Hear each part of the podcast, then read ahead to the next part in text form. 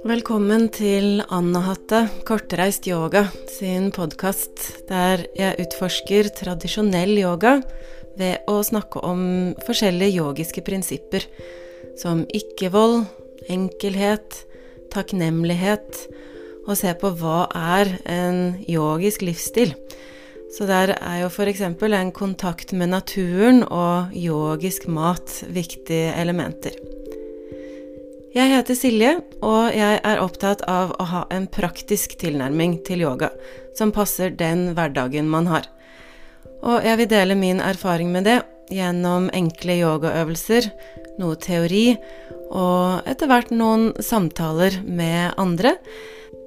Da inviterer jeg på en tekopp, enten i yogahuset her på Trauskogen, til en samtale her, eller det blir en virtuell tekopp. Da er det koronatilpasset, og man kan sitte på trygg avstand, men allikevel møtes til eh, en prat.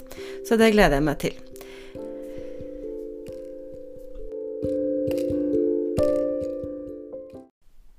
Det finnes flere historier om yogamestere som kan styre de såkalt automatiske prosessene i kroppen som pust og hjerte, eller som kan tåle ekstrem varme eller ekstrem kulde.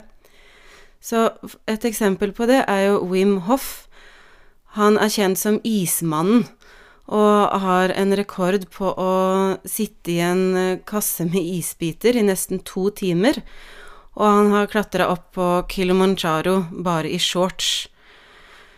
Fra vår egen yogatradisjon har vi praksisen kalt panch agni, der panch er fem og agni er ild. Da sitter man med fire bål rundt seg, og den femte ilden er sola over seg, og mediterer i timevis.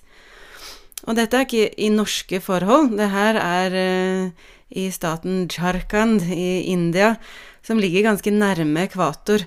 Så det blir jo mye varmere enn uh, det vi har her i en norsk sommer.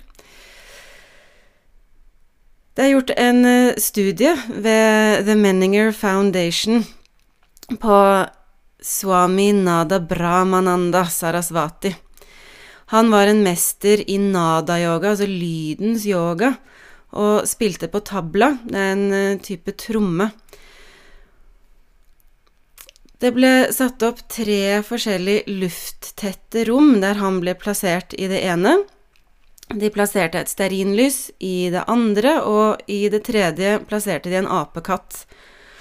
Og når eksperimentet begynte, så gikk det bare tre minutter før stearinlyset slukket. Etter et kvarter så svimte apen av, da var det tomt for luft i det rommet. Mens eh, denne swamien, han fortsatte å spille tabla i over 40 minutter. Og da hadde de smurt kroppen hans inn med voks, sånn at det var umulig å få inn noe luft gjennom huden. De hadde også tettet neseborene, og munnen var igjen.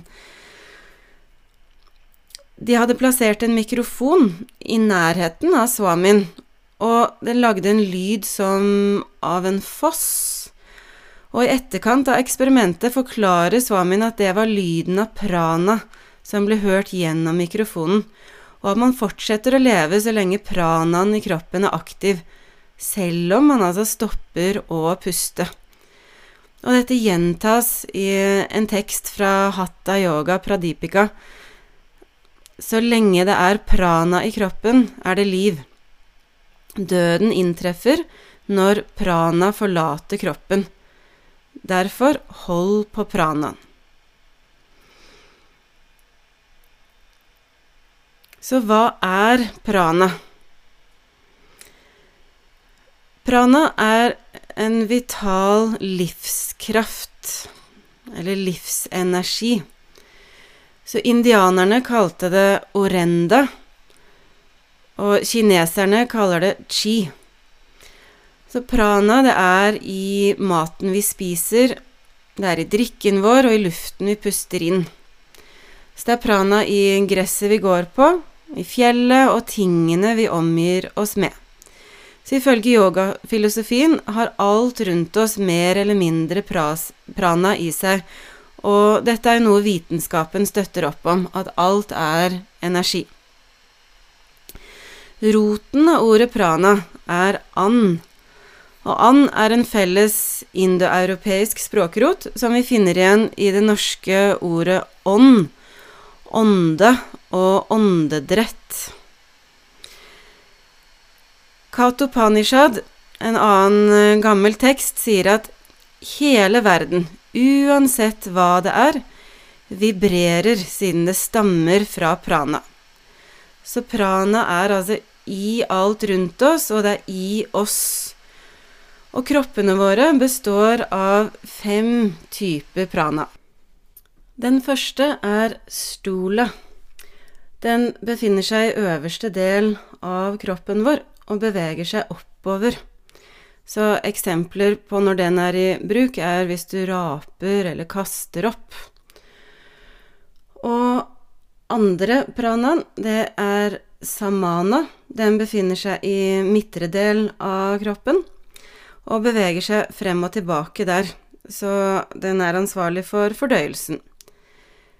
Tredje er en kraft nedover i nederste del av kroppens kjerne.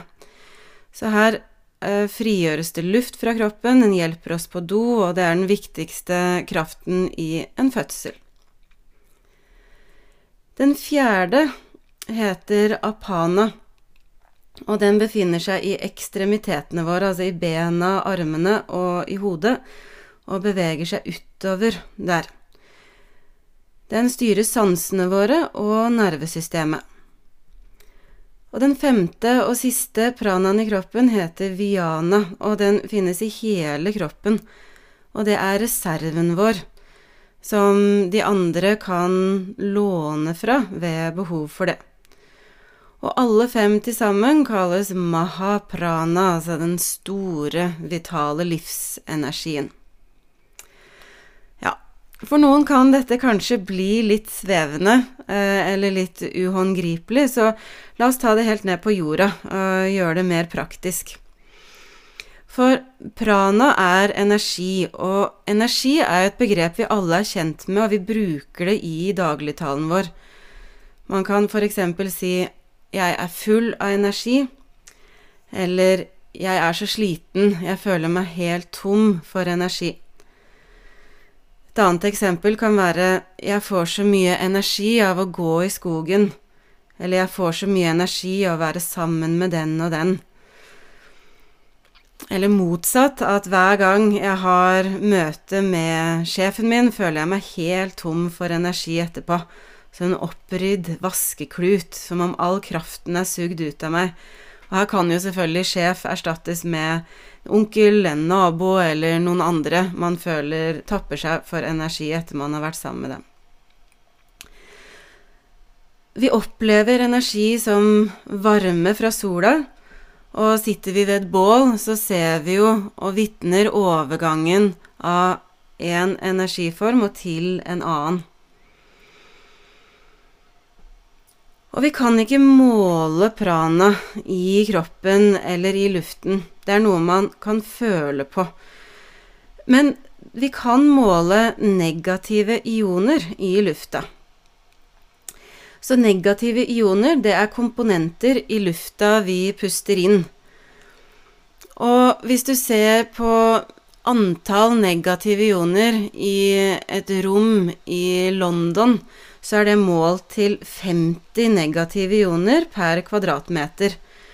Mens i fjellet, frisk fjelluft, så kommer du opp i 5000 negative ioner per kvadratmeter. Negative ioner er ikke prana, men ved mer negative ioner i lufta, så er det også mer prana i lufta. Og negative ioner er terapeutiske fordi de bl.a. dreper bakterier. Det fins forresten noen sånne små maskiner som skal spytte ut negative ioner i lufta. Man kan bruke på kontoret sitt eller ha inne i huset. Det skal jeg innrømme jeg er ganske skeptisk til. Jeg har mer tro på eh, naturlig forekomst av det, men eh, det her kan man jo google hvis man syns det er interessant. Og fra gammelt av så ble jo frisk fjelluft gitt på resept ved flere forskjellige helseplager. Og jeg tenker at det er ikke uten grunn at flere helsesentre og yoga- og meditasjonssentre er bygget opp på øde steder i tett og nær kontakt med naturen. Nadir er et annet ord jeg skal gå litt inn på når vi skal nå snakke om prana og pranayama. Nadir kan oversettes som en kanal eller en energibane. Og ifølge yogafilosofien så er mennesket sammensatt av flere lag, der to av dem er annamaya-korsa og pranamaya-korsa. Anna betyr mat og refererer til den fysiske kroppen vår, bygget opp av materie. Pranamaya kosha kan oversettes som energikroppen eller energilaget, og det er her vi finner kroppens energisentre, også kjent som chakraer, og energibanene, altså nadiene. Ifølge en yogaskrift skal vi ha 72 000 nadier. En annen hevder det finnes over 300 000 av dem, mens noen forholder seg kun til de 20 største og viktigste.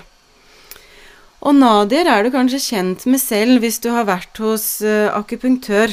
Da får du jo plassert en nål et sted på kroppen, f.eks. på øreflippen, og så stimulerer det leveren eller en spenning du har mellom skulderbladene.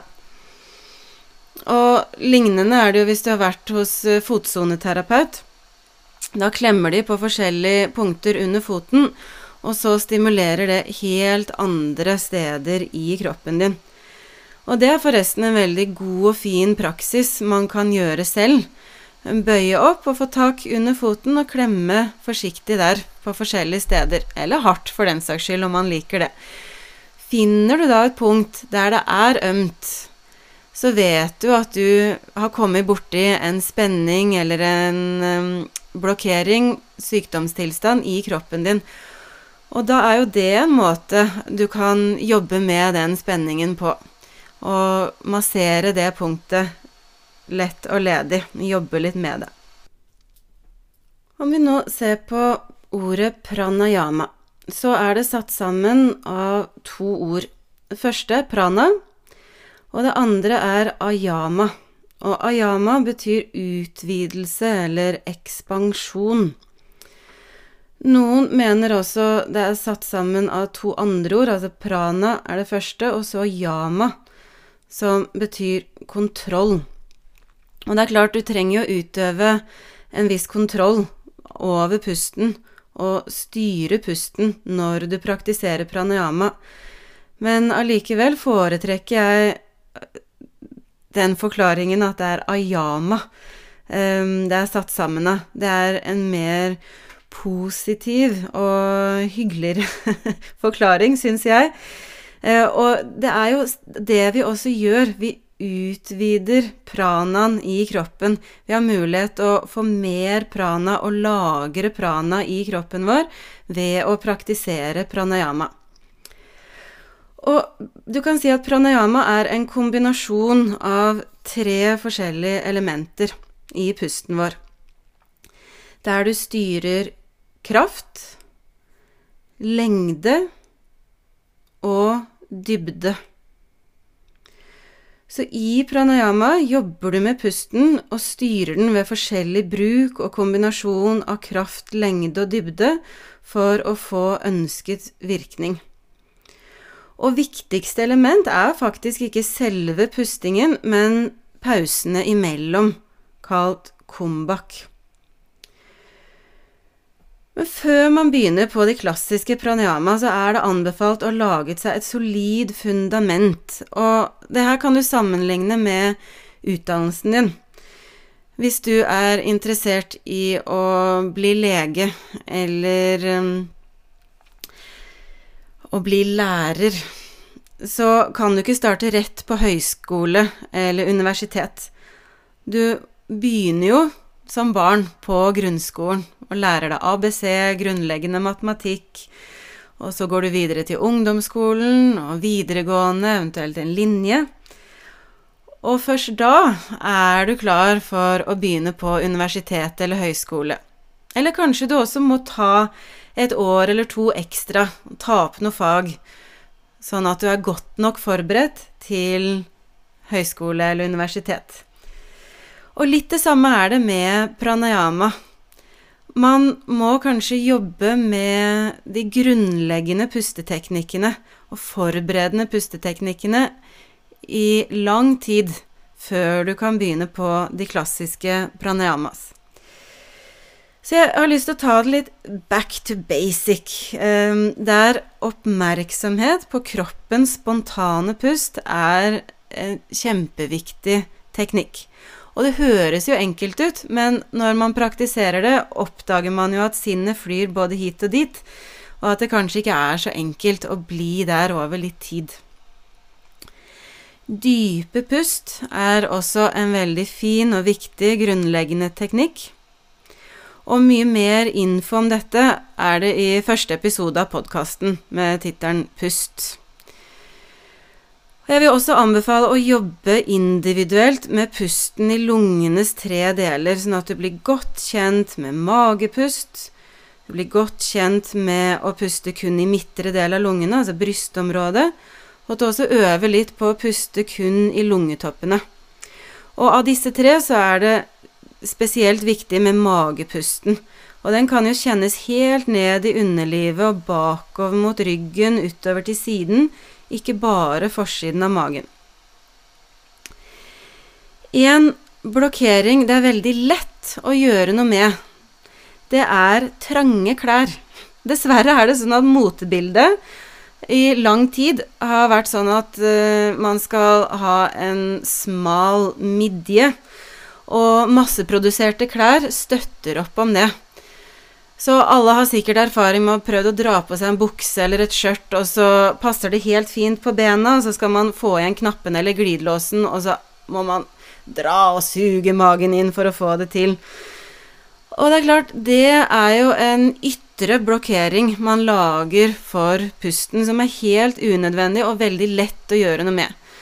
Jeg har eh, to døtre, og vi har vært så heldige å arvet masse klær til dem. Men ca. halvparten av buksene de har arvet, har jeg bare gitt videre med en gang. For de har ikke passert sittetesten. Da skal de sette seg ned med buksa, kjenne om den klemmer på magen. Og gjør den det, så bruker vi den ikke. Enkelt og greit. Og det er jo mer enn nok av blokkeringer i pusten. Det er vanskelig å gjøre noe med som sitter der av følelsesmessige grunner eller traumer man har opplevd. Så det å gjøre noe med en sånn ytre blokkering, det er en enkel sak. Det anbefaler jeg. En annen grunnleggende teknikk blir jo å kombinere de tre delene av lungene i en sakte og rolig pust, og dette kaller vi komplett yogisk pust. Og etter å ha øvd litt på det, fortsetter man gjerne med kun dype pust der mage og bryst er involvert. I boka med samme navn som jeg har gitt til denne podkasten, bare på engelsk, altså Prana and Pranayama, gitt ut av Bihar School of Yoga, så er det lagt mye vekt på forberedende pranayama-øvelser, eller pre-pranayama-øvelser. Og jeg vil dele noen av dem med dere her. Det er den første. Gå på å synkronisere pust med hjerterytme. Du starter med å legge deg ned eller sette deg godt til rette, og gi kroppen litt tid til å falle til ro. Så får du kontakt med den spontane pusten og hjerterytmen. Hvis det er vanskelig å kjenne hjertet som slår, så finner du pulsen din ved å legge et par fingre på håndleddet, på innsiden der, eller i siden av halsen. Gjør pusten din litt dypere og saktere. Og så teller du fire hjerteslag per innpust og fire hjerteslag per utpust.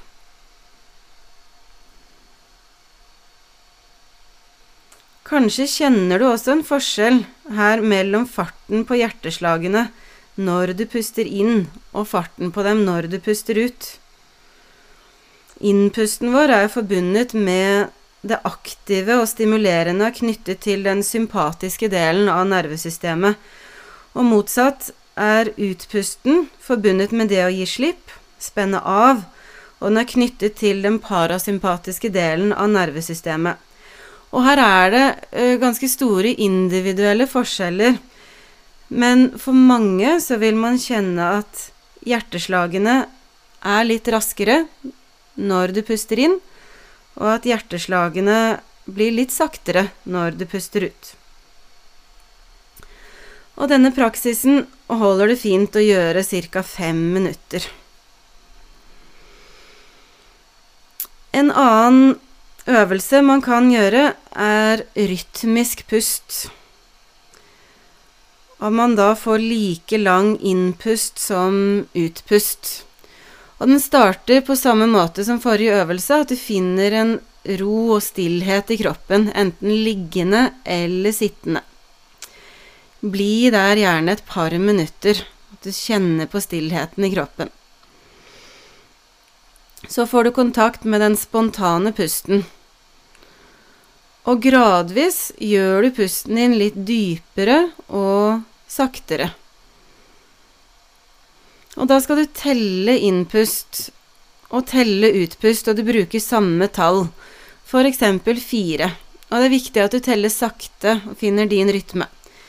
Så når du begynner å puste inn, sier du mentalt én, to, tre, fire.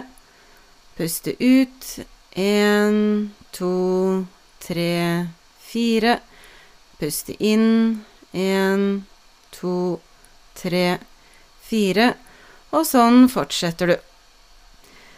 Etter noen runder kan du utvide tellingen til fem. Etter noen runder med det kan du utvide til seks, og etter hvert finner du litt din grense for hvor høyt tall du kan ha, samtidig som det er avspent og komfortabelt, og da holder du deg der en ukes tid. Fem minutter om dagen holder i massevis. Og etter en uke med det tallet du var komfortabel med maksimalt, så kan du legge på et tall til. Til du har kommet opp til ti. Da er vi på en eh, god og langsom og dyp pust. Når vi jobber med disse øvelsene, så kjenn etter med kroppen.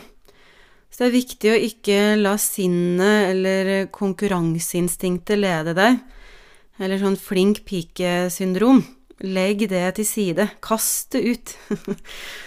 og neste teknikk går på å utvide lengden på utpusten til man får den dobbelt så lang som innpusten.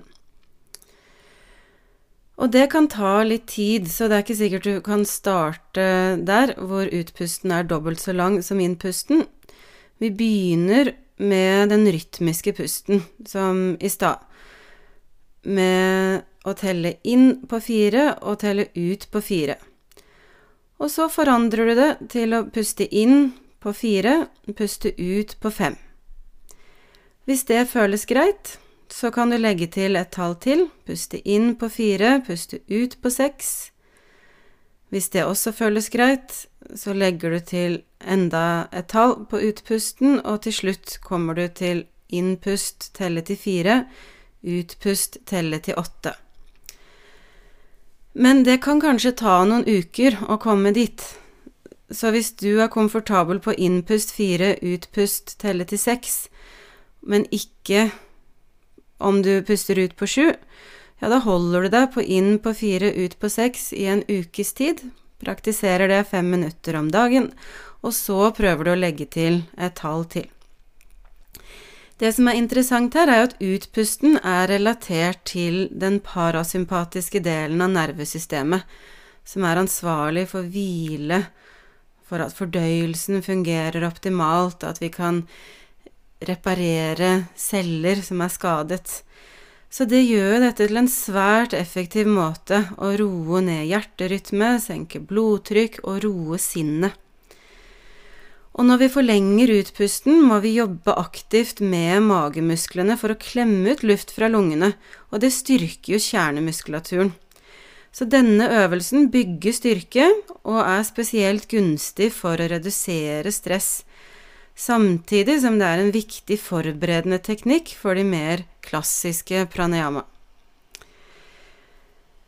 Siste teknikken jeg vil nevne, er kumbak, denne pausen mellom pust. Og det er kjempeviktig å ta det gradvis sakte, og unngå å presse eller dytte. Det er noen kontraindikasjoner, så du skal ikke jobbe med kumbak om du har hjerteproblematikk, eller om du sliter med svimmelhet, eller ved mentale problemer. I Hatha Yoga Pradipika står det all sykdom kan forsvinne ved korrekt bruk av pranayama. All sykdom kan oppstå ved feil praksis. Og pranayama kan forsterke det som foregår i sinnet, enten det er positivt eller negativt. Så derfor er det anbefalt å vise forsiktighet. Og jeg anbefaler på det varmeste å gå på kurs og få veiledning av en kvalifisert yogalærer når du skal lære de klassiske pranayama. Men om du føler deg klar for det og ønsker å øve på comeback, så er det altså en avspent pause mellom pust. Og da har vi tre typer av dem. Det ene er indre comeback, som er pausen etter innpust. Så har vi ytre kumbak, som er pausen etter utpust. Og spontan kumbak. Og den skjer av seg selv. Gir en dyp indre stillhet, der det altså er fravær av pust. Men den er jo spontan, så det er vanskelig å øve på den. Og av de to andre så anbefaler jeg å starte med nummer én. Altså for mange er det den enkleste. Der du først puster inn, og så spenner du av i magen. Da holder du pusten med hele kroppen istedenfor oppi halsen, og så kjenner du etter. Med en gang kroppen ønsker å fortsette pustingen, så gjør du det. Så noen generelle råd rundt pranayama og disse forberedende pranayama-øvelsene, det er ha tålmodighet. Og vær regelmessig i din praksis. Så bygg deg et godt fundament. Ikke sant? Gå gjennom alle trinn på barneskolen og videregående før du går løs på de klassiske pranayamas. Og interessant nok så er det jo tradisjonelt sett ikke pranayama man begynner med i en yogapraksis. Det er heller ikke fysisk yoga. Det man gjerne begynner med, er jo bruk av mantra og å følge etiske prinsipper og anbefalte personlige rutiner. Dette er forskjellige yogiske prinsipper som kan være med å legge føringer for valg i hverdagen, og som man kan jobbe mot og leve etter. Og det som blir nevnt først, og som mange ser på som også det viktigste yogiske prinsippet, er ahimsa, altså ikke-voldsprinsippet. Å praktisere det ses altså på som viktigere og mer grunnleggende enn både pranayama og fysisk yoga. Så det blir tema for neste uke. Ahimsa.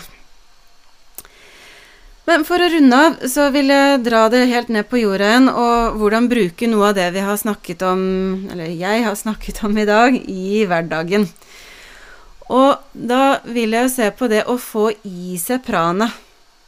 Og det kan vi gjøre gjennom maten vi spiser.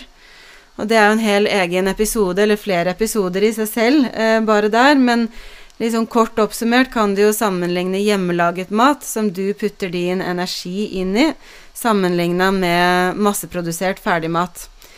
Eller et eh, eple fra hagen kontra et uh, eple fraktet fra andre siden av jorden, og der det kanskje er brukt en del pesticider. Luft med prana kan du tenke deg selv at det er en grunn til at vi nordmenn er glad i å gå i fjellet. Ikke sant? Eh, og at man ofte føler seg bra etter å ha vært en tur i skogen eller vært ved et vann. Det er mye mer prana i lufta ute enn det er i innemiljøer. Og vi er jo veldig velsigna i Norge å ha mye prana. Samme i vannet vårt. Eh, drikker du vann fra en bekk når du er ute på tur, så har det veldig mye prana i seg. Sammenligna med helt dødt flaskevann, som kanskje har vært lagret i flere år. Og det har forresten 20% mer mikroplast i seg enn annet vann. Det er noe å tenke på. Um, positive tanker gir mer prana i kroppen enn negative tanker. Og jeg vil igjen dra det ned til de grunnleggende, enkle teknikkene. Altså det å jobbe med spontane pust, og være oppmerksom på det. Jobbe med dype pust. Og gjerne, når du jobber med litt dypere pust, legge til visualisering eller en følelse av at du med innpusten din fyller kroppen med prana, denne vitale livskraften, og på utpust kvitter du deg med det du ikke trenger. Så for noen er det lettere å føle dette eller tenke seg det, mens hvis du er visuell av natur, så kan du jo se for deg sånn hvitt, sølvaktig lys som du puster inn og fyller opp kroppen med, mens du puster ut det du ikke trenger. Og lag deg en regelmessig praksis for pranayama, om du allerede praktiserer det, eller disse forberedende pranayama-øvelsene. Og start med bare fem eller ti minutter, og finn ut når i hverdagen dette passer for deg. Er dette et tema du kjenner 'dette var spennende', jeg har lyst til å lære mye mer om det, kan jeg virkelig anbefale boka 'Prana and Pranayama', gitt ut av Bihar School of Yoga. Og den uh, viser jeg bilde av på um, nettsiden for denne episoden på anahatayoga.no.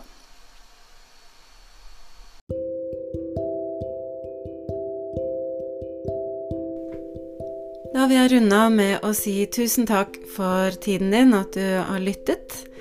Syns du det var nyttig, så del gjerne podkasten med andre på sosiale medier. Og legg gjerne igjen en vurdering eller en kommentar. Neste uke blir altså tema ahimsa. Velkommen igjen da.